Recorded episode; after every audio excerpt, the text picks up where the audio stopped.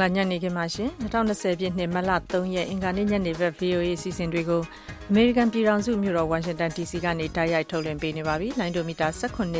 25တို့နဲ့အတူ VOA ရဲ့ Facebook စာမျက်နှာ VOA Burmese News ကနေပြီးတော့လည်းထုတ်လွှင့်ချိန်နဲ့တပြေးညီနားဆင်နိုင်ပါတယ်ရှင် ကျွန်မခွာညိုပါအခုညနေခင်းစီစဉ်တွေတာဝန်ယူပါမယ်ရှင်မင်္ဂလာပါချင်းချမခင်ပြူထွေးပါ Super Tuesday လို့ခေါ်တဲ့ American Democratic Party အတွင်းသမရလောင်းအကျိုးရွေးကောက်ပွဲတွေဒီကနေ့ပြည်နယ်14ခုမှာတပြိုင်တည်းကျင်းပဖို့ရှိနေပြီးတော့ဒီမတိုင်ခင်တရက်မှာပဲသမရလောင်းနေရာကိုရှင်းပြနေသူတွေတဲကဒုသမရဟောင်းဂျိုးဘိုင်ဒန်ကိုပြိုင်ဘက်ဟောင်းတဦးကလည်းထောက်ခံလိုက်ပါတယ်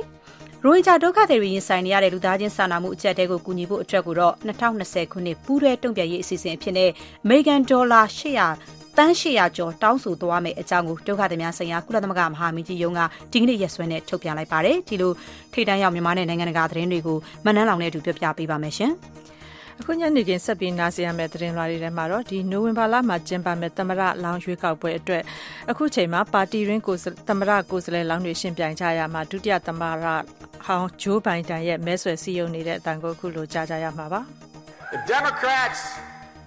nominate me I believe we can beat Donald Trump. ဒီကနေ့ကျင်းပမဲ့စူပါဆန်ဒေးလို့ခေါ်တဲ့ပြည်နယ်14ခုမှာဒီမိုကရက်တစ်ပါတီတွင်ရှင်ပြိုင်မှုအကြောင်းနဲ့အတူဒီလိုရှင်ပြိုင်ကြမဲ့ကိုယ်စားလှယ်လောင်းတွေပေါ်မှာမြန်မာနွယ်ဘွားအမေရိကန်နိုင်ငံသားတွေရဲ့အမြင်ကိုလည်းကြားကြရပါမယ်။ကိုရိုနာဗိုင်းရပ်စ်ကူးစက်မှုတားဆီးကာကွယ်ဖို့အတွက်မြန်မာပြည်တွင်းဝင်လာသူတွေကျန်းမာရေးဆိုင်ရာမှတ်တမ်းတွေမှာတိတိကျကျဖြည့်ပေးကြဖို့ကျန်းမာရေးဌာနတာဝန်ရှိသူတဦးရဲ့ပန်ကြားချက်ကိုလည်းထုတ်လွှင့်ပေးမှာပါ။အခုရေစုံတော့အင်ကာနေ့ညနေခင်းထိတ်တန်းရောက်နေတဲ့နိုင်ငံတကာသတင်းတွေကိုမခင်ဖြူထွေးနဲ့နန်းလောင်တို့ပြောပြပါမယ်ရှင်။ Super Tuesday လို့ခေါ်တဲ့ American Democratic Party တွင်သမရလောင်းအကျိုးရွေးကောက်ပွဲတွေဒီကနေ့ပြည်နယ်14ခုမှာတပြိုင်တည်းကျင်းပဖို့ရှိနေပါတယ်။ဒီမတိုင်ခင်တရက်အလိုမှာပဲသမရလောင်းနေရာရှင်ပြိုင်နေသူတွေတဲကတဦးဖြစ်တဲ့ဒုသမရဟောင်းဂျိုးဘိုင်ဒန်ကိုပြိုင်ဘက်ဟောင်း၃ဦးကထောက်ခံမှုပြသလိုက်တာကြောင့် Mr. Biden အတွက်မဲဆွယ်မှုအရှိန်ပိုပြီးအားကောင်းလာနေပါတယ်။မနေ့တနင်္လာနေ့ကပဲပြိုင်ပွဲကနေပြီးတော့နှုတ်ထွက်သွားခဲ့တဲ့အထက်လွှတ်တော်အမတ် Amy Klobuchar နဲ့အစောပိုင်းနှုတ်ထွက်ခဲ့သူ Texas ပြည်နယ်အောက်လွှတ်တော်အမတ် Beto O'Rourke တို့ က Dallas မြို့မှာကျင်းပတဲ့ တနင်္လာနေ့ လူထုဆွေးနွေးပွဲစုဝေးပွဲအတွင်းမှာ Mr. Biden ကို ထောက်ခံမယ့်အကြောင်း ကြေညာခဲ့တာပါ။ Amy Klobuchar မတိုင်ခင်တရက် ပြိုင်ပွဲကနေနှုတ်ထွက်ခဲ့တဲ့ အလဲလက်ဝါဒီ ဒီမိုကရက်တဦးဖြစ်တဲ့ အင်ဒီယားနားပြည်နယ် South Bend မြို့တော်ဝန်ဟောင်း Pete Buttigieg ကလည်းအလားတူ Mr. Biden ကိုထောက်ခံကြောင်းပြောဆိုလိုက်ပါတယ်။လာမယ့်နိုဝင်ဘာသမ္မတရွေးကောက်ပွဲမှာလက်ရှိသမ္မတ Donald Trump နဲ့ယှဉ်ပြိုင်မယ့် Democratic Party သမ္မတလောင်းဖြစ်လာဖို့အတွက်ယှဉ်ပြိုင်နေကြတဲ့သူတွေထဲမှာလတ်တလောထိပ်ဆုံးရောက်နေတဲ့သူကတော့ Vermont ပြည်နယ်အထက်လွှတ်တော်အမတ် Bernie Sanders ပါ။ကယ်လီဖိုးနီးယားနဲ့တက္ကဆက်ပြည်နယ်ရွေးကောက်ပွဲတွေမှာလည်း Sanders အနိုင်ရဖွယ်ရှိတဲ့အကြောင်းလူထုစစ်တမ်းတွေကဖော်ပြနေပါတယ်။ ပြီးခဲ့တဲ့တောင်ကာရိုလိုင်းနားအကြိုရွေးကောက်ပွဲမှာတော့တခြားပြိုင်ဘက်တွေကိုအပြတ်အသက်အနိုင်ရခဲ့တဲ့ Mr. Biden ကလက်ရှိမှာဒုတိယနေရာမှာရှိနေပြီးတတိယနေရာလိုက်နေတဲ့သူကတော့ Massachusetts ပြည်နယ်အထက်လွှတ်တော်အမတ် Elizabeth Warren ပါ။သူတို့သုံးဦးအပါအဝင်ဒီမိုကရက်တစ်ပါတီသမ္မတလောင်းရှင်ပြိုင်နေသူအခုဆိုရင်တော့၅ဦးပဲရှိပါတော့တယ်။ဒီထဲမှာဘယ်သူသမ္မတလောင်းဖြစ်လာမလဲဆိုတာကတော့ဒီကနေ့ Super Tuesdays လို့ခေါ်တဲ့ရွေးကောက်ပွဲတွေရဲ့ရလဒ်အပေါ်မှာအထူးမူတည်နေတာဖြစ်ပါတယ်ရှင်။ online မှာပဲလက်ပတ်တဲ့ digital ငွေကြေး cryptocurrency ဒေါ်လာတန်တရာကျော်ကိုငွေကြေးခဝါချမှုနဲ့တရုတ်နိုင်ငံသား2ဦးကိုအမေရိကန်အစိုးရရှင်းတွေကတရားစွဲဆိုလိုက်ပါတယ်။အဲ့ဒီငွေကြေးတွေကိုမြောက်ကိုရီးယား hacker တွေက2018ခုနှစ်မှာခေါ်ယူခဲ့တာပါ။ တျံရင်ရင်နဲ့လီဂျီဒေါင်းတို့နှစ်ဦးကိုငွေမဲခွာချမှုမှာပူးပေါင်းကြံစည်မှုအပြင်လိုင်စင်မရှိဘဲနဲ့ငွေကြေးလွှဲပြောင်းတဲ့လုပ်ကိုင်လုပ်ငန်းလုပ်ကိုင်မှုနဲ့ဆွဲချက်တင်တာကိုတနင်္လာနေ့ကဖော်ပြခဲ့တဲ့တရားရုံးအမှုဆွဲဆိုချက်မှာဖော်ပြထားပါတယ်။ဒေါ်လာတန်250နီးပါးကိုအွန်လိုင်းကနေခိုးယူခဲ့ကြတဲ့မြောက်ကိုရီးယားကဟက်ကာတွေကသူတို့ကိုခြေရာခံမလိုက်နိုင်အောင်လို့ငွေကြေးခွာချတဲ့အနေနဲ့အဲ့ဒီငွေတွေကိုအချင်းရာနဲ့ချီလွှဲပြောင်းခဲ့ကြတယ်လို့လည်းအမေရိကန်တာဝန်ရှိသူတွေကပြောပါတယ်။2019ခုနှစ်ကတောင်ကိုရီးယားရဲ့ digital ငွေကြေးဒေါ်လာတန်90ခိုးယူခံရတဲ့ကိစ္စနောက်ကွယ်မှာလည်းအဲ့ဒီ hacker တွေပါဝင်ပတ်သက်နေတယ်ဆိုပြီးတော့ဆွဆွဲခံထားတာပါ။တျံရဲနဲ့လီတို့အပြင်ဒီကိစ္စမှာပူပေါင်းကြံစည်ခဲ့သူတွေအသုံးပြုခဲ့တဲ့ digital ငွေကြေးလဲလှယ်မှု online account 123ခုနဲ့လိပ်စာတွေကိုထိန်းချုပ်နိုင်ဖို့အတွက်လဲ Washington တရားရုံးမှာအစိုးရရှင်းနေတွေကဆွဲချက်တင်ထားတာဖြစ်ပါတယ်။ digital ငွေကြေးငွေလွှဲပြောင်းမှုအတွက်ဝန်ဆောင်ပေးခဲ့ကြတဲ့တျံနဲ့လီတို့ဟာ American ငွေကြေးဆိုင်ရာရာဇဝတ်မှုတိုက်ဖျက်ရေးကွန်ရက် Financial Crime Enforcement Network ရဲ့ခွင့်ပြုချက်မရဘဲနဲ့ American နိုင်ငံမှာစီးပွားရေးလုပ်ကိုင်ခဲ့ကြတာလည်းဖြစ်ပါတယ်။ နိုင်ငံပေါင်း70ထက်မနည်းမှာပြန့်နှံ့ဖြစ်ပွားနေတဲ့ကိုရိုနာဗိုင်းရပ်စ်ကူးစက်မှုတွေကိုဟန့်တားတိုက်ဖျက်ရေးဆွေးနွေးကြဖို့အတွက်ကိုတော့ G7 လို့ခေါ်တဲ့ကမ္ဘာ့စီးပွားရေးအင်အားကြီးနိုင်ငံ9နိုင်ငံကဘဏ္ဍာရေးဝန်ကြီးတွေဒီကနေ့တွေ့ဆုံကြဖို့ရှိပါတယ်။တောင်ကိုရီးယားသမ္မတမွန်ဂျယ်အင်ကသူ့နိုင်ငံမှာလိုအပ်နေတဲ့ဆေးဝါးအကူအညီတွေနဲ့ကိုရိုနာကူးစက်မှုတွေကြောင့်နေအိမ်တွေထဲမှာပဲနေနေကြရတာကြောင့်ထိခိုက်လာတဲ့အသေးစားစီးပွားရေးလုပ်ငန်းတွေကိုဝိုင်းဝန်းထောက်ပံ့ပေးကြဖို့အကူအညီတောင်းခံလိုက်ပြီးတဲ့နောက် G7 ဘဏ္ဍာရေးဝန်ကြီးတွေအခုလိုတွေ့ဆုံဆွေးနွေးကြမှာဖြစ်ပါတယ်။ ကိုရိုနာဗိုင်းရပ်စ်စတင်ဖြစ်ပွားတဲ့တရုတ်နိုင်ငံပြီးရင်တောင်ကိုရီးယားနိုင်ငံဟာဒီရောဂါဒုတိယအများဆုံးကူးစက်ခံနေရတာဖြစ်ပါတယ်။ဒီကနေ့နောက်ဆုံးရရှိတဲ့စာရင်းအရကူးစက်ခံရတဲ့သူ9000နီးပါးရှိနေပါတယ်။ကမ္ဘာတဝန်းကူးစက်ခံရသူကတော့9000ကျော်နဲ့သေဆုံးသူ3100ကျော်ရှိနေပြီးအများစုကတရုတ်နိုင်ငံထဲမှာဖြစ်ပါတယ်။ ကူးစက်ပြန့်ပွားမှုအဆိုးဝါးဆုံးနိုင်ငံတွေထဲကတစ်ခုဖြစ်တဲ့အီရန်နိုင်ငံကိုတော့ကမ္ဘာ့ကျန်းမာရေးအဖွဲ့ WHO ကကျွမ်းကျင်ပညာရှင်တွေရောက်ရှိနေပြီးဒေသခံဆေးဘက်ဝန်ထမ်းတွေနဲ့အတူကူးစက်မှုတွေထိန်းချုပ်နိုင်အောင်ကူညီပေးနေပါတယ်။ဗြိတိန်၊ပြင်သစ်နဲ့ဂျာမနီနိုင်ငံတွေကလည်းအီရန်ကိုလိုအပ်တဲ့ထောက်ကူပစ္စည်းတွေပို့ပေးမယ့်အကြောင်းကတိပြုထားကြပါတယ်။ကူးစက်မှုအများဆုံးရှိနေတဲ့တရုတ်နိုင်ငံမှာကူးစက်တဲ့နှုန်းကျဆင်းလာပေမဲ့ကမ္ဘာ့တခြားနေရာတွေကို ပျံ့နှံ့ကူးစက်မှုတွေပိုပြီးများလာနေတာကြောင့်ဒီဗိုင်းရပ်စ်ပျံ့နှံ့မှုတွေကိုထိန်းချုပ်နိုင်အောင်ကမ္ဘာ့နိုင်ငံအားလုံးကဝိုင်းဝန်းကြိုးပမ်းကြရလိမ့်မယ်လို့ WHO အကြီးအကဲ Tedros Adhanom Ghebreyesus ကတိုက်တွန်းလိုက်ပါတယ်။တောင်ကိုရီးယားနိုင်ငံမှာတော့ ကိုရိုနာဗိုင်းရပ်စ် ရှိမရှိ အလွယ်တကူ စစ်ဆေးနေနိုင်ပါပြီ။ဒီလို စစ်ဆေးနိုင်တဲ့ စင်တာတွေကို ဆိုးမြို့တော်တဝမ်းနဲ့ တခြားမြို့ကြီးတွေမှာ ဖွင့်လှစ်ပေးထားပြီးတော့စစ်ဆေးလိုတဲ့သူတွေအနေနဲ့ အဲ့ဒီစင်တာတွေကိုသွားပြီး ကိုကားပေါ်ကနေပဲ အောက်ကိုဆင်းစရာမလိုပဲဗိုင်းရပ်စ်ပိုး ကူးစက်ခံထားရတာ ရှိမရှိ ဆိုတာကို စစ်ဆေးသိရှိနိုင်ပါတယ်ရှင်။ကိုရိုနာဗိုင်းရပ်စ်ကြောင့်အမေရိကန်ပြည်ထောင်စုမှာတနင်္လာနေ့ကသေဆုံးသူတိုးလာပေမဲ့လည်းသမ္မတဒေါ်နယ်ထရမ့်ကတော့အရေးပေါ်အခြေအနေချက်ချင်းကြေညာဖို့မလိုသေးဘူးလို့ပြောပါတယ်။ကြိုတင်ပြင်ဆင်မှုတွေကောင်းကောင်းလုပ်ထားတဲ့အတွက်အရေးပေါ်အခြေအနေကြေညာဖို့မလိုသေးဘဲနဲ့လိုအပ်လာရင်တော့နောက်ပိုင်းမှာကြေညာမှာပါလို့သမ္မတထရမ့်ကပြောဆိုသွားတာပါ။အရေးပေါ်အခြေအနေကြေညာချက်ထုတ်ပြန်နိုင်ဖို့ပြည်ထောင်စုအရေးပေါ်စီမံခန့်ခွဲရေးအေဂျင်စီကသမ္မတအတွက်ကြိုတင်ပြင်ဆင်ထားတယ်ဆိုတဲ့သတင်းတွေလည်းထွက်ပေါ်နေပါတယ်။အဲဒီလိုကြေညာလိုက်ရင်တော့ကိုရိုနာကူးစက်မှုအခြေအနေအတွက်တုံ့ပြန်ဆောင်ရွက်မဲ့ FEMA အရေးပေါ်ကယ်ဆယ်ရေးနဲ့စီမံခန့်ခွဲရေးဌာနအတွက်ရန်ပုံငွေပိုးပြီးတော့သုံးစွဲခွင့်ရမှာလည်းဖြစ်ပါတယ်။ကိုရိုနာဗိုင်းရပ်စ်ကူးစက်မှုနဲ့ပတ်သက်လို့ပြောဆိုခဲ့တဲ့သမ္မတထရမ့်ကအမေရိကန်နိုင်ငံမှာတုပ်ကွေးကြောင့်နှစ်စဉ်လူပေါင်း၂သောင်းခွဲကနေ၇သောင်းလောက်အထိသေဆုံးနေတယ်လို့လည်းပြောဆိုခဲ့တာပါ။အခုချိန်မှာရောဂါပိုးကူးစက်မှုသိပ်မများဘဲအခြေအနေတွေဒီတိုင်းရှိနေမယ်လို့မျှော်လင့်ပါတယ်လို့လည်းသမ္မတထရမ့်ကပြောဆိုခဲ့ပါတယ်။အမေရိကန်မှာကိုရိုနာဗိုင်းရပ်စ်ကူးစက်ခံရသူ၁၀၀ဝန်းကျင်နဲ့သေဆုံးသူ၆ဦးရှိနေတာလည်းဖြစ်ပါတယ်။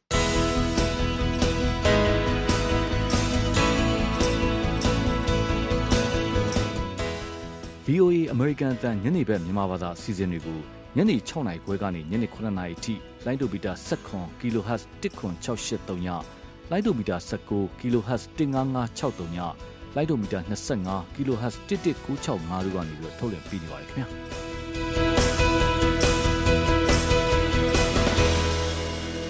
VOA American တန်ရဲ့အင်္ဂါနေ့ညနေခင်းမြန်မာနဲ့နိုင်ငံတကာသတင်းတွေကိုဆက်ပြီးတော့ပြောပြပေးသွားပါမယ်။ရိုဟင်ဂျာဒုက္ခသည်တွေရင်ဆိုင်နေရတဲ့လူသားချင်းစာနာမှုအချက်အထဲကိုကူညီဖို့ကုလသမဂ္ဂအေဂျင်စီတွေနဲ့ NGO အဖွဲ့အစည်းတွေပူးပေါင်းပြီး2020ခုနှစ်ပူးတွဲတုံ့ပြန်ရေးအစီအစဉ်အဖြစ်အမေရိကန်ဒေါ်လာ889တန်းတောင်းဆိုသွားမယ့်အကြောင်းဒုက္ခသည်များဆိုင်ရာကုလသမဂ္ဂမဟာမင်းကြီးရုံး UNHCR ကဒီကနေ့ရက်စွဲနဲ့ကြေညာချက်ထုတ်ပြန်ပါတယ်။ ဘင်္ဂလားဒေ့ရှ်နိုင်ငံကိုရောက်နေတဲ့ ခန့်မှန်းခြေ ရိုဟင်ဂျာဒုက္ခသည် ၈ သိန်းခွဲလောက်နဲ့ ဒီဒုက္ခသည်တွေကို လက်ခံထားတဲ့ ဘင်္ဂလားဒေ့ရှ်နိုင်ငံက အကူအညီလိုအပ်နေတဲ့ ဘင်္ဂလားဒေ့ရှ်နိုင်ငံသား ၄ သိန်း ၄ သောင်း သူတို့အတွက် လိုအပ်တဲ့အကူအညီတွေကို ထောက်ပံ့ပေးမှာဖြစ်တယ်လို့ ကြေညာချက်မှာ ဖော်ပြထားပါတယ်။တောင်းခံမဲ့ငွေရဲ့55ရာခိုင်နှုန်းဟာ ဒုက္ခသည်တွေအတွက် စားနပ်ရိက္ခာ နေထိုင်စရာတောက်ရည်နဲ့ မိလာစနစ် စတဲ့ အရေးပေါ်လိုအပ်ချက်တွေကို ဖြည့်ဆည်းဖို့ဖြစ်တဲ့အကြောင်း UNHCR ရဲ့ ကြေညာချက်မှာ ဖော်ပြပါတယ်။ ပြီးခဲ့တဲ့2019ခုနှစ်ကလည်း ကုလသမဂ္ဂ အေဂျင်စီတွေနဲ့ NGO အဖွဲ့အစည်းတွေ ပူးပေါင်းပြီးတွေကိုကူညီပေးဖို့အတွက် JRP ပူပေါင်းတုံ့ပြန်ရေး အစီအစဉ်အဖြစ် ဒေါ်လာ သန်း920ကျော် တောင်းခံခဲ့ပါတယ်။တောင်းခံတဲ့ ပမာဏရဲ့80ရာခိုင်နှုန်းတန်း650ကို ရရှိခဲ့တာပါ။ ရိုဟင်ဂျာဆိုတဲ့အသုံးအနှုန်းကိုလက်မခံတဲ့မြန်မာအစိုးရကတော့ဒီဒုက္ခသည်တွေကိုစစ်စစ်ပြီးပြန်လည်လက်ခံမယ်လို့ကတိပေးထားပါတယ်။ဘင်္ဂလားဒေ့ရှ်နိုင်ငံနဲ့မြန်မာနိုင်ငံအကြားဒုက္ခသည်ပြန်လည်လက်ခံရေးအစီအစဉ်တွေကို2018ခုနှစ်နိုဝင်ဘာလကတည်းကစီစဉ်လှုပ်ဆောင်ခဲ့ပေမဲ့လို့အခုအချိန်ထိကတော့ဖြည်းဖြည်းမြတ်မြတ်အောင်မြင်မှုမရှိသေးပါဘူးရှင်။ ဒီကနေ့ကျင်းပနေတဲ့ အစ္စရေးရွေးကောက်ပွဲမှာလက်ရှိဝန်ကြီးချုပ်ဘန်ဂျမန်နေတန်ယာဟုရဲ့ပါတီကရှေ့ကဦးဆောင်နေပေမဲ့အစိုးရဖွဲ့နိုင်လောက်တဲ့မဲမရသေးဘူးလို့ exit poll လို့ခေါ်တဲ့မဲပေးပြီးမြဲယုံကထွက်လာသူတွေကိုမေးမြန်းကြိုက်ထားတဲ့တဘောရစစ်တမ်းမှာဖော်ပြပါပါတယ်။တနစ်တာကာလအတွင်းတတိယအကြိမ်ဖြစ်ကျင်းပတဲ့ရွေးကောက်ပွဲမဲရလဒ်တွေကိုရွေးကောက်ပွဲတာဝန်ရှိသူတွေရေတွက်နေပါတယ်။2019ခုနှစ်ဧပြီနဲ့စက်တင်ဘာလမှာကျင်းပခဲ့တဲ့ရွေးကောက်ပွဲတွေမှာတော့ဝန်ကြီးချုပ်နေတန်ယာဟုရောအဓိကပြိုင်ဖက် Blue and White Party ကိုယ်စားလှယ် Benny Gantz တို့ကပါမဲအပြတ်အသတ်နဲ့အနိုင်မရခဲ့ပါဘူး။ရွေးကောက်ပွဲတွေအချိန်ချင်းကျင်းပနေရတဲ့ကာလအတွင်းမှာတော့ Mr. နေတန်ယာဟုကယာယီဝန်ကြီးချုပ်အဖြစ်တာဝန်ယူထားတာပါ။ဝန်ကြီးချုပ်နေတန်ယာဟုဟာလက်ပေးလက်ယူမှုလိမ်လည်မှုနဲ့ယုံကြည်မှုကိုဖောက်ဖျက်တဲ့အမှုတွေနဲ့လည်းဆွဲချက်တင်ခံထားရပါတယ်။ဒီအချိန်မှာနိုင်ငံကိုဥဆောင်ဖို့သူသားလင်းအရေးချင်းအပြည့်စုံလို့ပြောဆိုထားတဲ့နေတန်ယာဟုကိုအတိုက်အခံကောင်းဆောင် Mr. Gantz ကတော့အချင်းပြတ်ချဆောင်မှုအရှုပ်တော်ပုံတွေနဲ့ပြည့်နေနေသူဆိုပြီးတော့ရွေးကောက်ပွဲမဲဆွယ်မှုတွေမှာပြောဆိုထားတာပါ။ရွေးကောက်ပွဲတရားဝင်မဲရလဒ်တွေထွက်လာရင်တော့သမ္မတ Rubin Rivlin ကညွန့်ပေါင်းအစိုးရဖွဲ့နိုင်မဲ့သူကိုရွေးချယ်ရမှာဖြစ်ပြီးအဲ့ဒီလိုလုပ်ဖို့သတင်း၆ပတ်ခွင့်ပြုပေးမှာဖြစ်ပါတယ်။ဒီကာလအတွင်းညွန့်ပေါင်းအစိုးရမဖွဲ့နိုင်ဘူးဆိုရင်တော့ကြံကိုယ်စားလှယ်တယောက်က28ရက်အတွင်းအစိုးရတရပ်ဖွဲ့စည်းရမှာလည်းဖြစ်ပါတယ်။ အာဖဂန်နစ္စတန်နိုင်ငံမှာရှိနေတဲ့အမေရိကန်တပ်ဖွဲ့တချို့ကိုလာမယ့်ရက်ပိုင်းတွေအတွင်းပြန်လည်စတင်ရုပ်သိမ်းပြီးတော့အာဖဂန်မှာရှိတဲ့အမေရိကန်စစ်သည်အင်အားကို8600အထိလျှော့ချသွားမယ့်အကြောင်းအမေရိကန်ကာကွယ်ရေးဝန်ကြီး Mark Esper ကပြောဆိုလိုက်ပါတယ်။အမေရိကန်နဲ့အာဖဂန်တာလီဘန်အဖွဲ့အကြားဖေဖော်ဝါရီလ29ရက်နေ့ကချုပ်ဆိုခဲ့တဲ့သဘောတူညီချက်အရဒီလိုချုပ်ဆိုပြီး10ရက်အတွင်းအမေရိကန်တပ်ဖွဲ့ဝင်အင်အားလျှော့ချတာတွေကိုစတင်လှုပ်ဆောင်ဖို့လိုအပ်တာဖြစ်တယ်လို့ဝန်ကြီး Esper ကပင်တဂွန်စစ်ဌာနချုပ်မှာတနင်္လာနေ့ကပြောဆိုခဲ့ပါတယ်။ This was an important first step toward a political solution to end the war in Afghanistan. ဒါဟာအာဖဂန်စစ်ပွဲအဆုံးသတ်ရေးနိုင်ငံရေးအပြေရှာမှုမှာအရေးပါတဲ့ပထမအဆင့်ခြေလှမ်းဖြစ်ပါတယ်။သဘောတူညီချက်ပါသတ်မှတ်ချက်အတိုင်းအခုလိုဆောင်ရွက်တာဖြစ်တယ်ဆိုတာကိုကျွန်တော်တို့ရဲ့အာဖဂန်ကလက်တွဲဘော်တွေကိုပြောချင်ပါတယ်။ အာဖဂန်တွေဘက်ကလည်းဒီတာလီဘန်တွေဘက်မှာလည်းသူတို့လိုက်နာရမယ်ဂတိကဝတ်တွေအတိုင်းလိုက်နာမှုရှိမရှိဆိုတာကိုလည်းကျွန်တော်တို့အနီးကပ်စောင့်ကြည့်သွားပါမယ်ဆိုပြီးဝန်ကြီးအက်စပါပြောသွားတာပါအာဖဂန်နစ္စတန်နိုင်ငံအတွင်းချမ်းဖတ်မှုတွေလျှော့ချပြီးနောက်ဆုံးပြစ်ခတ်တိုက်ခတ်မှုတွေလုံးဝအဆုံးသတ်သွားဖို့အမေရိကန်ကမျှော်လင့်တဲ့အကြောင်းလည်းသူကပြောပါတယ်။ဒါပေမဲ့တာလီဘန်အဖွဲ့ပြောခွင့်ရဇာဘီဟူလာမူချဟစ်ကတော့အကြမ်းဖက်မှုတွေလျှော့ချဖို့ဆိုတဲ့သဘောတူညီချက်ပြီးဆုံးသွားပြီဖြစ်ကြောင်းနဲ့တာလီဘန်တွေအနေနဲ့ကဘူးမျိုးတော်ကအစိုးရအုပ်ချုပ်ရေးတပ်ဖွဲ့တွေအပေါ်မှာ တိုက်ခိုက်တာတွေကိုပြန်လည်လှုပ်ဆောင်သွားမယ့်အကြောင်းကိုတနင်္လာနေ့တုန်းကပဲပြောဆိုခဲ့ပါတယ်။အမေရိကန်ပါဝင်ပတ်သက်နေတဲ့18နှစ်ကြာအာဖဂန်စစ်ပွဲအဆုံးသတ်ရေးရည်ရွယ်ပြီးအမေရိကန်ပြည်ထောင်စုနဲ့တာလီဘန်တပုံအဖွဲ့အကြားတမိုင်းဝင်ငြိမ်းချမ်းရေးသဘောတူစာချုပ်ကိုတော့ကာတာနိုင်ငံဒိုဟာမြို့မှာပြီးခဲ့တဲ့စနေနေ့တုန်းကပဲလက်မှတ်ရေးထိုးခဲ့တာဖြစ်ပါတယ်ရှင်။ အင်ဒိုနီးရှားနိုင်ငံဂျာဗာကျွန်းမှာရှိတဲ့ Mount Biapi မီးတောင်ဟာဒီကနေ့အင်္ဂါနေ့မှာပောက်ကွဲပြီးတော့မီးခိုးပြားတွေပေ2000လောက်ထိဖုံးလွှမ်းနေတဲ့အတွက်အနီးအနားဆိုလိုမျိုးကလေစိတ်ကိုလည်းယာယီပိတ်ထားပါတယ်။မီးတောင်ကထွက်လာတဲ့ချော်ရီပူတွေစီးလာနိုင်တယ်လို့ကြောက်ခဲအပိုင်းအစတွေလွင့်လာနိုင်တဲ့အတွက်တောင်ဆောင်တစ်လျှောက်မှာနေထိုင်သူတွေကိုမီးတောင်အဝနဲ့နှမိုင်းအကွာကျော်မှာနေကြဖို့အင်ဒိုနီးရှားမီးတောင်လေလာရေးသူတေသနကသတိပေးထားပါတယ်။အင်ဒိုနီးရှားနိုင်ငံမှာမီးတောင်ရှင်900လောက်ရှိတဲ့ထက်ကဒီ Mount Merapi မီးတောင်ဟာလှုပ်ရှားမှုအများဆုံးလည်းဖြစ်ပါတယ်။ Direct from Washington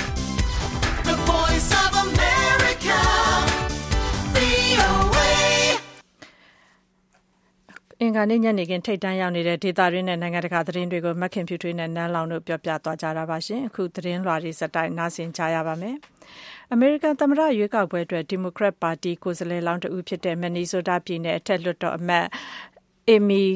ကလိုဘချာတယောက်ဒီကိုယ်စားလှယ်လောင်းအဖြစ်က ရပ်နာပြီးတော့တခြား ကိုယ်စားလှယ်လောင်းတဦးဖြစ်သူ ဒုတိယသမ္မတဟောင်းဂျိုးဘိုင်ဒန်ကို ထောက်ခံမဲ့အလားအလာ ရှိနေပါတယ်။အင်ဒီယာနာပြည်နယ် South Bend မြို့တော်ဝင်ဟောင်း Pete Buttigieg ကလည်းဒီကိုယ်စားလှယ်အဖြစ်က ရပ်နာပြီး ဒုတိယသမ္မတဟောင်းဘိုင်ဒန်ကို ထောက်ခံထားပါတယ်။ Super Tuesday လို့ခေါ်တဲ့ ပြည်နယ်14ခုမှာ ဒီကနေ့ ဒီမိုကရက်ပါတီ ကိုယ်စားလှယ်လောင်း ရွေးချယ်ပွဲမှာ Vermont အထက်လွှတ်တော်အမတ် Bernie Sanders တယောက် ပြည်နယ်အတော်များများမှာ အနိုင်ရခြေ ရှိနေတာပါ။ဒါပေမဲ့ ဒုတိယသမ္မတဟောင်းဘိုင်ဒန်ဟာ ပြီးခဲ့တဲ့ စနေနေ့က တောင်ကယ်ရိုလိုင်းနားပြည်နယ်မှာ အနိုင်ရခဲ့တာကြောင့် အခု အင်္ဂါနေ့ ရွေးချယ်ပွဲတွေမှာ အရှိန်ဟုန်ကောင်းလာနေပါတယ်။ဒီကနေ့လုပ်မဲ့ Super Tuesdays အခြေအနေနဲ့ ပတ်သက်လို့ VOA သတင်းတောက် Jim Malone သတင်းပေးပို့ထားတာကို ကိုသားညွန့်ဦးကပြောပြမှာပါရှင်။ဒုတိယသမ္မတဟောင်းဂျိုးဘိုင်ဒန်ဟာ တောင်ကယ်ရိုလိုင်းနားပြည်နယ်မှာ အနိုင်ရခဲ့တဲ့ အရှိန်ဟုန်ကြောင့် အခုဒီအင်္ဂါနေ့ ပြည်နယ်14ခုမှာလုပ်မဲ့ရွေးချယ်ပွဲတွေမှာ မဲအနိုင်ရမယ်လို့ သူက မျှော်လင့်ထားပါတယ်။ If Democrats nominate me, I believe we can beat Donald Trump ကျွန်တော်ကိုကိုယ်စားလှယ်ဖြစ်ဒီမိုကရက်တွေကရွေးချယ်မယ်ဆိုရင်ဒေါ်နယ်ထရမ့်ကိုကျွန်တော်တို့အနိုင်ရမယ်လို့ယုံကြည်ပါတယ်။အောက်လွှတ်တော်မှာလည်းနန်စီပလိုစီကိုအောက်လွှတ်တော်ဥက္ကဋ္ဌဖြစ်ဆက်ထားနိုင်မှာဖြစ်တယ်လို့အမေရိကန်အထက်လွှတ်တော်ကိုလည်းဒီမိုကရက်တွေပြန်လွှမ်းမိုးနိုင်မှာပါ။တောင်ကယ်ရိုလိုင်းနားပြည်နယ်မှာမစ္စတာဘိုင်ဒန်အနိုင်ရလိုက်တဲ့နောက်သမ္မတရွေးကောက်ပွဲအတွက်ဒီမိုကရက်ကိုယ်စားလှယ်ဖြစ်ဖို့လားလာကောင်းလာပြီမဲ့လက်တလောအထိတော့ဒီ Vermont အထက်လွှတ်တော်အမတ် Bernie Sanders ကထိတ်ကပြေးနေပါတယ်။ သူကသူဒီမိုကရက်ဆိုရှယ်လစ်တူဖြစ်တယ်လို့ခံယူထားတဲ့ Mr. Sanders ဟာအခုဒီအင်္ဂါနေ့မှာရွေးချယ်ပွဲတွေတဲပြည်နယ်ကြီးနှစ်ခုဖြစ်တဲ့ကယ်လီဖိုးနီးယားနဲ့ Texas ပြည်နယ်တွေမှာအနိုင်ရဖို့မှန်းထားပါတယ် We are a multi-generational, multi-racial grassroots movement. ကျွန်တော်တို့ဟာစီးပွားရေးနဲ့အုပ်ချုပ်မှုတည်းပေါ်လာဖို့လုပ်နေတဲ့မျိုးဆက်ဆက်ဆက်ပါတဲ့လူမျိုးသားရောင်စုံပါတဲ့အောက်ခြေလူထုလှုပ်ရှားမှုပါဒါဟာနိုင်ငံသားအလုံးအတွက်ပါတိရခိုင်တုံးလောက်အတွက်လုပ်နေတာမဟုတ်ပါဘူး အခုအင်္ဂါနေ့ရွေးချယ်ပွဲတွေဟာကိုယ်စားလှယ်လောင်းတူဖြစ်တဲ့ New York မြို့တော်ဝန် Michael Bloomberg အတွက်တော့ပထမဆုံးအကြီးဆုံးအဆက်အသက်ခံမဲ့နေ့လည်းဖြစ်ပါတယ်။ဘီလီယံနာတတိတူဖြစ်တဲ့ Mr. Bloomberg ဟာဒေါ်လာတန်းနဲ့ချီပြီးတော့ရုပ်တံကြေညာတွေထည့်ခဲ့ပြီးအခုဒီဒီချိန်ဟာမဲဆန္ဒရှင်တွေရဲ့မဲကိုပထမဆုံးရယူစမ်းသပ်မဲ့ပွဲဖြစ်ပါတယ်။လက်တလောကဘာမှာစိုးရိမ်နေကြတဲ့ coronavirus ပြန့်ပွားမှုအပေါ်ကင်တူရာနဲ့ပတ်သက်ပြီးတော့သမ္မတ Trump ကိုသူကအတော်လေးဝေဖန်နေတာပါ။ At a time when the president should be putting politics aside and rallying the American people. သမ္မတအနေနဲ့နိုင်ငံရေးကိုဘေးအသာထားပြီးသူ့တောက်မှာရှိတဲ့အမေရိကန်လူထုကိုစီးယုံရမယ့်အချိန်မှာသူဟာပါတီနိုင်ငံရေးကိုသုံးပြီးအကွဲကွဲပြားပြားဖြစ်အောင်ဆက်လုပ်နေပါတယ်ကျွန်တော်တို့ကဒါမျိုးလုပ်လို့မရပါဘူးဒီမိုကရက်တွေအနေနဲ့ဒီကနေ့အင်္ဂါနေ့မှာတော့ရွေးချယ်စရာကနည်းလာပါပြီမင်နီဆိုးတားပြည်နယ်အထက်လွှတ်တော်အမတ်အေမီကလော့ဘူချာကမနေ့တုန်းကတနင်္လာနေ့မှာပဲကုစရေလောင်းဖြစ်ကရန်နာခဲ့တယ်လို့ ဒီမတိုင်ခင်တရက်ကတော့ South Bend မြို့တော်ဝင်ဟောင်း Pete Buttigieg ကလည်းတောင်ကရိုလိုင်းနားရွေးချယ်ပွဲပြီးမှကုစရေလောင်းဖြစ်ကနေပြန်ရုပ်သွားပါတယ်သူကဒုတိယသမ္မတဟောင်းဂျိုးဘိုင်ဒန်ကိုကုစရေလောင်းဖြစ်နေထောက်ခံမှုပေးပါတယ် I will no longer seek to be the 2020 Democratic nominee for president, but I will do everything in my 2020သမ္မတ power ရွေးကောက်ပွဲအတွက်ဒီမိုကရက်ကိုယ်စားလှယ်လောင်းအဖြစ်ကျွန်တော်ဆက်ပြီးမပြိုင်တော့ပါဘူး။ဒါပေမဲ့လာမယ့်ဇန်နဝါရီလမှာဒီမိုကရက်သမ္မတတဦးရလာဖို့ကျွန်တော်မှာရှိသမျှအင်အားနဲ့အစွမ်းကုန်လုပ်သွားပါမယ်။ ဘီလီယံနာသတိတူဖြစ်တဲ့ Tom Steyer ကလည်းပြီးခဲ့တဲ့သတင်းပတ်အတွင်းမှာကုစလေလောင်းဖြစ်ကနေပြီးတော့နှုတ်ထွက်သွားခဲ့ပါတယ် Honestly, I can't see a path where I can ရိုးရိုးသားသားပြောရရင်တော့သမ္မတအဖြစ်အနိုင်ရဖို့ကျွန်တော်လမ်းမမြင်တော့ပါဘူး Massachusetts အထက်လွှတ်တော်အမတ် Elizabeth Warren ကတော့ဆက်ပြီးတော့ရှင်ပြိုင်နေတော့မှာအရင်ပြည်နယ်ရွေးချယ်ပွဲတွေမှာမဲသိမ့်မရခဲ့ပေမဲ့အခုဒီအင်္ဂါနေ့မှာတော့ပါတီမဲတွေရဖို့ဆက်ပြီးတော့ကြိုးစားနေပါတယ် And if we want a government that doesn't just work ချမ်း for သာ the ပြီး rich ဩဇာ and ကြီး the တဲ့သူတွေအတွက်ပဲ powerful, မဟုတ်ဘဲကျမတို့အားလုံးအတွက်အလုပ်လုပ်ပေးမဲ့အစိုးရတရက်လိုချင်တဲ့ဆိုရင်ကြီးမားတဲ့ပုံစံအပြောင်းအလဲတချို့လုပ်သွားရပါမယ် Super Tuesday လို့ခေါ်တဲ့ဒီကနေ့ပါတီတွင်းပနာမရွေးချယ်ပွဲတွေမှာပါတီညီလာခံကိုယ်စားလှယ်မဲ1300ကျော်ရဲ့မဲတွေရှိပါတယ်ပြောရရင်တော့ဒီလာမယ့်ဇူလိုင်လမှာလုပ်မဲ့ DNC Democrat Party ညီလာခံတက်မဲ့ကိုယ်စားလှယ်တွေရဲ့သုံးပုံတစ်ပုံမဲဖြစ်ပါတယ်ခင်ဗျာ ကိုသားညုံပြပြသွားတာပါရှင်ဒီ Super Tuesday မဲပေးပွဲမှာဝင်ရောက်ရှင်ပြိုင်မဲ့ကိုယ်စားလှယ်လောင်းတွေနဲ့ပတ်သက်လို့မြန်မာနွယ်ဘွားအမေရိကန်နိုင်ငံသားမဲဆန္ဒရှင်တွေကရောဘယ်လိုမြင်ကြပါသလဲမတ်အင်ဂျင်နိုင်ဆက်သွယ်မေးမြန်းထားတဲ့အမြင်တချို့ကိုကြည့်ကြရအောင်ပါရှင်ဒီမိုကရက်သမ္မတလောင်းနေတဲ့ Bernie Sanders ကတနိုင်ငံလုံးအတိုင်းအတာရထိပ်ကပြေးနေတာပါ။ဒါပေမဲ့ဒီကနေ့ Virginia ပြည်နယ်ကရွေးကောက်ပွဲမှာဝင်ရောက်မဲပေးမဲ့ကိုဖိုးညံရဲ့အမြင်ကတော့မနေ့ကဘူတဂျက် နှုတ်ထွက်သွားတာရဲ့ဟိုတနေ့က South Carolina မှာ Biden နိုင်သွားတာနဲ့ပတ်သက်ပြီးတော့ဟို Democratic primary ကနည်းနည်းအပြောင်းအလဲဖြစ်မယ်ထင်တယ်။တောက်လျှောက်ကတော့ဒီ Bernie Sanders ကအရှိပိုင်းမှာအရန်မဲပါနေတယ်အရန်အရှိကနေပြီးနေတယ်သူဖြစ်နိုင်တယ်ဆိုတော့အရန်ပြောလို့ရတယ်။ဘာဖြစ်လို့လဲဆိုတော့သူသဖြင့်ဒီ moderate ဖြစ်တဲ့လူတွေကတော်တော်များနေတယ်။အဲ့ခါကျတော့မဲကွဲတယ်လို့ပြောလို့ရမှာပေါ့လေ။ လောလောဆယ်မှာစာယာကလည်းထွက်သွားပြီ။ဒီခါကျအထူးသဖြင့်ပူတက်ချက်ထွက်သွားတာဆိုတာကပို့ပြီးတော့ဟိုစိတ်ဝင်စားဖို့ကောင်းတယ်ပေါ့။အဲ့တော့ကျွန်တော်ထင်တယ်လောလောဆယ်ပိုးတွေကတော့မသိရသေးဘူး။ဒါပေမဲ့သိရတဲ့လောက်ကတော့ Biden ကအရင်ငါးထက်စားလို့ရှိရင်တော့ပို့ပြီးတော့အခြေအနေကောင်းလာမယ်။ပို့ပြီးတော့ပြန်ဆိုင်မှုကပိုပြီးပြင်းထန်လာမယ်နဲ့တူတယ်။နယူးယောက်ပြည်နယ် Buffalo မြို့ကကိုမင်းနိုင်ကတော့ Joe Biden ကိုမဲပေးဖို့ရှိနေပြီးဘာကြောင့်မဲပေးမှာလဲဆိုတာကိုအခုလို VOA ကိုပြောပါတယ်ဒီမိုကရက်သမ္မတလောင်းတွေထဲကတော့ကျွန်တော်ကြိုက်တာကတော့ ဂျိုးဘိုက်ဒင်။ဘာဖြစ်လို့ဂျိုးဘိုင်ဒင်ကြိုက်လဲဆိုတော့သူ့မှာကအရင်သမ္မတအိုဘားမားနဲ့တွဲပြီးလုပ်ခဲ့တဲ့အတွေ့အကြုံတွေရှိတယ်။ဘာနီဆန်ဒါလည်းကောင်းပါတယ်။ကောင်းတယ်ဆိုတာကတော့တစ်ဖက်ကတွက်လို့ရှိရင်အသက်အရွယ်ကြီးတာရယ် တော်တော်များများပြောတယ် တချို့ကိစ္စတွေက ပြောသလောက် လက်တွေ့လုပ်ဖို့ကြတော့ ခက်တယ် အဲဒါကြောင့် သိမကြိုက်ဘူး။အဲ့တော့ ဒီမိုကရက်တွေဘက်က ရွေးချယ်မဲ့သမ္မတလောင်းတွေရဲ့ အခြေအနေကိုကြည့်မယ်ဆိုရင် လက်ရှိသမ္မတ Donald Trump ကိုရှင်ပြိုင်နိုင်မဲ့အလားအလာရော ဘယ်လိုမြင်လဲရှင်လက်ရှိကတော့မာနီဆန်နာကတော့ တစ်ပြေးတယ် ဒုတိယတော့ဂျိုးဘိုင်ဒင်ဒီကတန်း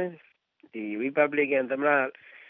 ဖြစ်တဲ့ Donald Trump နဲ့ရှင်ပြိုင်တဲ့ခါမှာတော့ လူတွေက Trump လက်ရှိသမ္မတ Donald Trump ကိုမကြိုက်ဘူးဟိုဆိုတော့ညာလဲသူတက်လာပြီးတဲ့အချိန်မှာ လုပ်ခဲ့တာတွေ ဆောင်ရွက်တာတွေ တိုင်းပြည်စီးပွားရေးတွေဥမောအောင် အခြေအနေတွေပေါ်မှာလဲအမေရိကန်ပြည်သူတွေ အများစုက လက်ခံသဘောကျတာတွေလည်းရှိတယ် ကျွန်တော်တို့ဒီရွှေပြောင်းနေထိုင်သူတွေ လူခွင့်ရေးလှုပ်ရှားသူတွေဘက်က ကြည့်မယ်ဆိုရင် သူ့ရဲ့လုပ်ရက်တွေပေါ်မှာ မနှိမ့်မြို့စရာတွေဒီမှာ immigrant တွေကချမှတ်တဲ့ policy တွေ စသည်ဖြစ်ပေါ့ အဲ့လိုဟာမျိုးတွေမကြိုက်ဘူးဆိုတော့ညာလဲတကယ် reality အခြေအနေမှာကြတော့အမေရိကန်တနိုင်ငံလုံးတိုင်းတာနဲ့မဲပေးတဲ့လူဒန်းစားတွေနဲ့ရှင်းလိုက်မယ်ဆိုရင်လက်ရှိသမ္မတဒေါ်နယ်ထရမ့်ပဲမဲကပိုရနိုင်တဲ့အနေအထားမြင်တယ်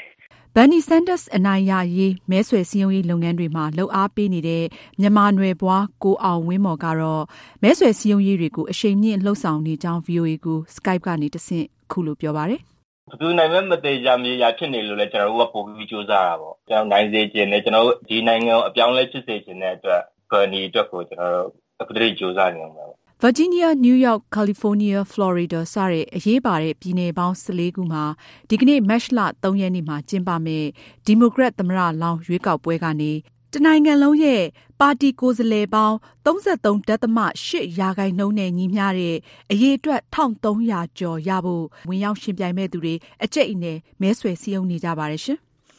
မှန်ချင်နိုင်စုံစမ်းတင်ပြခဲ့တာပါရှင်။အခုဒီမြန်မာပြည်တွင်းကိုရိုနာဗိုင်းရပ်စ်ကာကွယ်တားဆီးရေးဘက်ကိုအလှည့်ပေးချင်ပါတယ်။ COVID-19 ကူးစက်မှုကာကွယ်ရေးအတွက်ပြည်ပကနေမြန်မာနိုင်ငံအတွင်းဝင်လာသူတွေအနေနဲ့ကျန်းမာရေးဆိုင်ရာမှတ်တမ်းစာရွက်မှာတိတိကျကျဖြည့်စွက်ပေးဖို့ကျန်းမာရေးဌာနတာဝန်ရှိသူတို့ကပန်ကြားလိုက်ပါတယ်။ဒါအပြင်လိုအပ်လို့တည်တံ့ခွဲထားပြီးစောင့်ကြည့်ခံရမယ်ဆိုရင်လည်းပူးပေါင်းဆောင်ရွက်ဖို့တိုက်တွန်းပါတယ်။လက်ရှိအချိန်ထိကတော့ COVID-19 ရောဂါပိုးကူးစက်တန်တရားနဲ့စောင့်ကြည့်လူနာ၄ဦးဆေးရုံတင်ထားပြီးစောင့်ကြည့်နေသူတဦးရှိပါတယ်။ဒီ VOA သတင်းတောက်မဆုစုကအပြည့်အစုံဆက်ပြောပြပါမယ်ရှင်။ COVID-19 ကိုရိုနာရောဂါပိုးဓာတ်ခွဲအတည်ပြုလူနာမတွေ့ရှိသေးတဲ့မြန်မာနိုင်ငံမှာဒီရောဂါစောင့်ကြပ်ကြည့်ရှုရေးနဲ့ကာကွယ်ရေးလုပ်ငန်းတွေကိုအရှိန်မြှင့်ဆောင်ရွက်နေတာဖြစ်ပြီးမြန်မာပြည်တွင်းကိုဝင်ရောက်လာသူတွေအနေနဲ့ကျန်းမာရေးအခြေအနေဖော်ပြတဲ့ Health Declaration ကတ်တွေကိုတည်တည်ချာချာဖြည့်ဖို့လိုတယ်လို့ဗဟိုကူးစက်ရောဂါတိုက်ဖျက်ရေးဌာနဒုတိယညွှန်ကြားရေးမှူးဒေါက်တာခင်ခင်ကြီးကပြောပါတယ်။ လူတို့ပြောချင်တာတော့ လေကြောင်းခရီးနဲ့ ရေကြောင်းခရီးများမှာပြည်တွင်းသို့ဝင်ရောက်လာတဲ့သူတွေအနေနဲ့ပေါ့နော်ကျန်းမာရေးအခြေအနေ ဖော်ပြချက်ကတ်ဆိုရှိပါတယ်။အဲ့ declaration ကတ်ကိုအဲ့လို ပြည်စုံတိကျစွာ ဖြည့်စွက်ဖို့အတွက် အရေးကြီးပါတယ်။အဲ့လို ဖြည့်စွက်မှသာ ဒီလိုမျိုး case တွေကိုကျွန်တော်ထောက်လန်းတဲ့အခါမှာဆိုရင်ပြင်မြန်လွယ်ကူစွာ ဆောင်ရွက်နိုင်မှာ ဖြစ်ပါတယ်။တစ်ခါလေကြားလို့ရှိရင်ယောဂဖြစ်ပွားကူးစက်မှု များတဲ့နေရာတွေကနေပြီးတော့ ပြည်တွင်းသို့ လာတဲ့သူတွေအနေနဲ့ လက်ရှိမှာဆိုတော့ယောဂပြောခြင်းဖြစ်နေတဲ့အတွက်ကြောင့်ယောဂလက္ခဏာတော့စသချင်း ရှိချင်မှရှိမယ်။ဒါပေမဲ့ယောဂပြောခြင်းကာလတစ်လျှောက်လုံးမှာယောဂဖြစ်နိုင်လို့ ကျွန်တော်တို့ ကျန်းမာရေးအားစားဝန်ကြီးဌာနကနေပြီးတော့ လိုအပ်ရင် လိုအပ်သလို quarantine ပေါ့နော်။သွားလာကန့်သတ်ဆက်တောက်ချက်ကြည့်ရှုခြင်းဆောင်ရွက်နေပါတယ်ပြည်တွင်းကိုဝင်ရောက်လာသူတွေရဲ့ခရီးသွားမှတ်တမ်းတွေကိုရယူတာနဲ့ကျန်းမာရေးအခြေအနေဖော်ပြတဲ့ Health Declaration ကတ်တွေကိုဖြည့်ခိုင်းပြီးမှဝင်ရောက်ခွင့်ပြုဖို့ဦးစားပေးလှုပ်ဆောင်နေတာဖြစ်ပြီးကိုရိုနာရောဂါပိုးကူးစက်မှုဖြစ်ပွားနေတဲ့နိုင်ငံတွေစီကရောက်လာသူတွေကိုပါအသွားလာကန့်သက်ပြီးရောဂါရှိမရှိစောင့်ကြည့်တဲ့ quarantine လုပ်ငန်းတွေကိုဆောင်ရွက်နေတာကြောင့်ပြည်သူတွေပူးပေါင်းပါဝင်ကြဖို့ကိုလည်းဒေါက်တာခင်ခင်ကြီးကပြောပါတယ်။ သွားလာကန့်သက်ပြီးတော့ယောဂစောင့်ကြပ်ကြည့်ရှုခြင်းနဲ့ယောဂလက္ခဏာ စတင်ဖြစ်ပွားတာနဲ့ဆိုအဲဆိုရင် ချက်ချင်း ကျမတို့ ကုသနိုင်မှာဖြစ်တဲ့အတွက်ကြောင့်မို့ယောဂပြင်းထန်မှုကိုလည်းရှော့ချနိုင်မယ် အသက်သေဆုံးမှုကိုလည်းရှော့ချနိုင်မယ် အဲ့ဒီ ကာယကံရှင်တို့ကမက သူ့ရဲ့မိသားစုတွေ သူ့ရဲ့ပတ်ဝန်းကျင် မိတ်ဆွေပေါင်းတင်းတွေကိုလည်းကုသပြန်ပေါ်ခြင်းကာကွယ်နိုင်မှာဖြစ်တဲ့အတွက်ကြောင့်မို့ ဒီအသွားလာကန့်သက်ယောဂစောင့်ကြပ်ကြည့်ရှုခြင်း quarantine ဆောင်ရွက်တာကပြည်သူလူထုနဲ့ ကာယကံရှင်တွေ ပူးပေါင်းပါဝင်ဖို့ အရေးကြီးတဲ့အကြောင်း ပြောချင်ပါတယ် မြန်မာပြည်တွင်းမှာစောင့်ကြည့်လူနာ၄ဦးနဲ့ဆေးရုံတင်စောင့်ကြည့်နေသူတဦးရှိတယ်လို့ကျန်းမာရေးနဲ့အားကစားဝန်ကြီးဌာနကမနေ့ကည၈နာရီမှာသတင်းထုတ်ပြန်ခဲ့ပါတယ်။သူတို့၅ဦးရဲ့ဓာတ်ခွဲနမူနာတွေကိုအမျိုးသားကျန်းမာရေးဓာတ်ခွဲမှုဆိုင်ရာဌာန NHL ကိုပေးပို့ထားတယ်လို့ဒေါက်တာခင်ခင်ကြီးကအခုလိုပြောပါတယ်။ မနေ့က ည ၈ နာရီသတင်းမှာတော့ စောင့်ကြည့်လူနာ ၄ ဦးနဲ့ ဆေးရုံတင်ပြီးတော့နော် hospital quarantine လုပ်တဲ့လူနာတဦးရှိတဲ့အကြောင်း သတင်းထုတ်ပြန်ထားပါတယ် သူတို့တွေတော့ sample ရယူမယ်ပေါ့နော် sample ရယူဖို့တော့ကတော့ဒါတချို့လူတွေလည်း sample ရပြီပါပြီ အဲဒါဆိုတော့ မကြခင်တော့ အဖြေတော့ သိရမှာပေါ့နော်ဒီဒီနေ့အတွင်းမှာတော့ သိရဖို့များပါတယ် စောင့်ကြည့်လူနာတွေဖြစ်တဲ့ ဝေဘာဂီအထူးကုဆေးရုံက အသက်29နှစ်အရွယ် တရုတ်နိုင်ငံသား အသက်38နှစ်အရွယ် နယူးဇီလန်နိုင်ငံသားနဲ့ အသက်32နှစ်အရွယ်မြန်မာနိုင်ငံသားတဦးအပါအဝင်စစ်တွေပြည်သူစေယုံကြီးကအသက်29နှစ်အရွယ်မြန်မာနိုင်ငံသားတဦးတို့ရဲ့ကျန်းမာရေးအခြေအနေကကောင်းမွန်နေပြီးသူတို့မှာကိုရိုနာရောဂါပိုးရှိမရှိဆိုတာကိုအတည်ပြုနိုင်မှုအတွက်ကတော့ NHL ကပေးပို့မဲ့အဖြေကိုစောင့်ဆိုင်းနေတယ်လို့ဆိုပါတယ်။အဲ့ဒါအပြင်အသက်26နှစ်အရွယ်မြန်မာနိုင်ငံသားတဦးဟာပြည်ရင်းကိုရောက်မလာခင်တုန်းက စင်ကာပူနိုင်ငံက COVID-19 ရောဂါဖြစ်ပွားနေသူတဦးနဲ့အနီးကပ်နေထိုင်ခဲ့တာကြောင့် သူကိုအသွားအလာကန့်သက်လိုက်ပြီးကြောက်ပတောင်းမြို့နယ်စီယုံမှာ ထားရှိပြီး စောင့်ကြပ်ကြည့်ရှုနေတာပါ အဲ့ဒီအမျိုးသားရဲ့ ဓာတ်ခွဲနမူနာကိုလည်း NHL ကိုပေးပို့ထားပြီးယောဂရှိမရှိဆိုတာကို စောင့်ဆိုင်းနေတယ်လို့ သိရပါတယ်။ကျန်းမာရေးနဲ့ အားကစားဝန်ကြီးဌာနက ပြည်သူတွေအနေနဲ့ လူစုလူဝေးနဲ့ ပွဲလမ်းသဘင်တွေကို ရှောင်ကျဉ်ကြဖို့ အပါအဝင်ယောဂကာကွယ်ရေး ကျန်းမာရေးအသိပညာပေး နှိုးဆော်ချက်တွေကို လိုက်နာဆောင်ရွက်ကြဖို့ တိုက်တွန်းထားပါတယ်။ လက်ကိုစပြနဲ့စနစ်တကျမကြာခဏဆေးဖို့ချောင်းဆိုးနှာချင်ရင်ပါးစပ်အုပ်ဖို့တကိုယ်ရည်တန်ရှင်းရေးကိုအလေးထားပြီးအာဟာရပြည့်ဝအောင်စားတောက်နေထိုင်ဖို့နဲ့နေမကောင်းဖြစ်သူတွေနဲ့အနီးကပ်နေထိုင်တာရှောင်ကျဉ်ဖို့ကိုနှိုးဆော်ထားပါတယ်။တရုတ်နိုင်ငံဟူဘေးပြည်နယ်ဝူဟန်မြို့ကနေစတင်ဖြစ်ပွားခဲ့တဲ့ COVID-19 ကိုရိုနာရောဂါပိုးဟာအခြားနိုင်ငံပေါင်း86နိုင်ငံကိုကူးစက်ခဲ့ပြီးဒီကနေ့မတ်လ3ရက်နေ့လည်ခင်းစာရင်းအရလူပေါင်း9100ကျော်ကူးစက်ခံနေရတာပါ။ ဒါဟာကဘာလက်အပျော်စီးသင်္ဘော Diamond Princess ပေါ်ကကူးစက်ခံရသူ906ယောက်နဲ့သေဆုံးသူ9ဦးရဲ့စီးရင်ကိုပါထည့်တွက်ထားတာဖြစ်ပြီးသေဆုံးသူကတော့စုစုပေါင်း3100ကျော်အထိရှိနေပြီးတရုတ်နိုင်ငံမှာအများဆုံးဖြစ်ပါတယ်မဆုစုပြောပြသွားတာပါရှင်အခုနောက်ဆုံးရထားတဲ့သတင်းအရတော့အခုမဆုစုပြောပြသွားတဲ့စောင့်ကြည့်လူနာ၄ဦးဟာဓာတ်ခွဲခန်းအဖြစ်အရ COVID-19 ရောဂါပိုးမရှိတဲ့အကြောင်းတွေ့ရှိရတယ်လို့သိရပါတယ်ရှင်။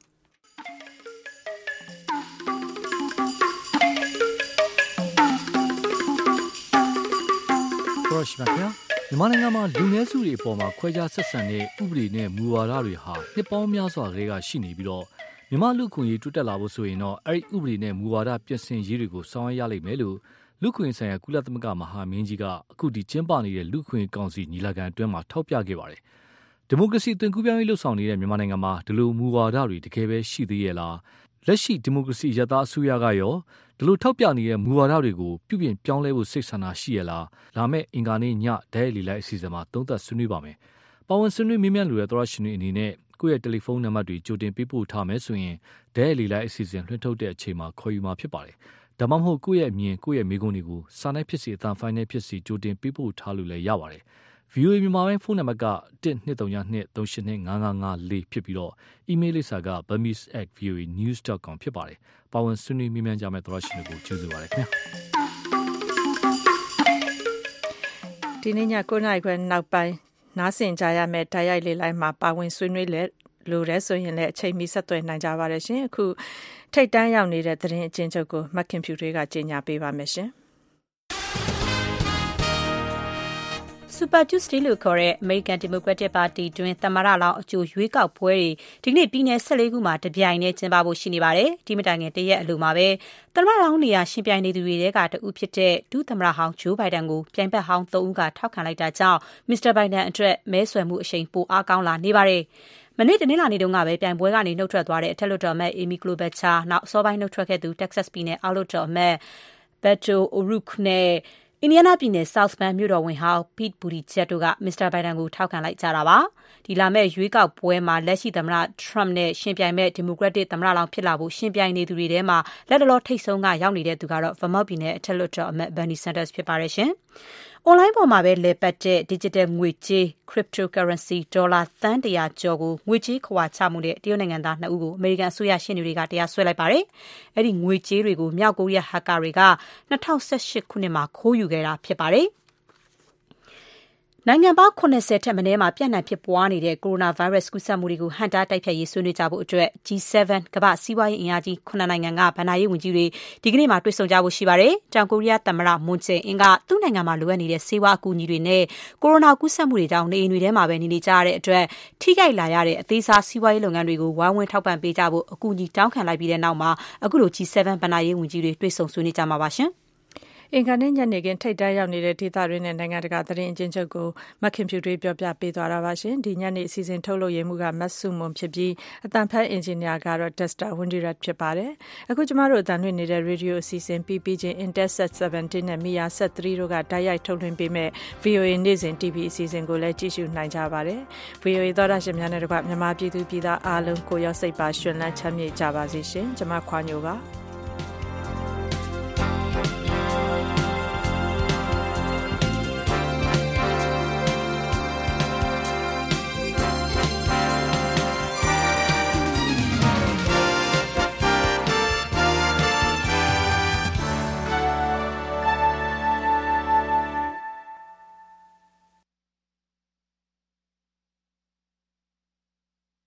This program has come to you from the Voice of America, Washington.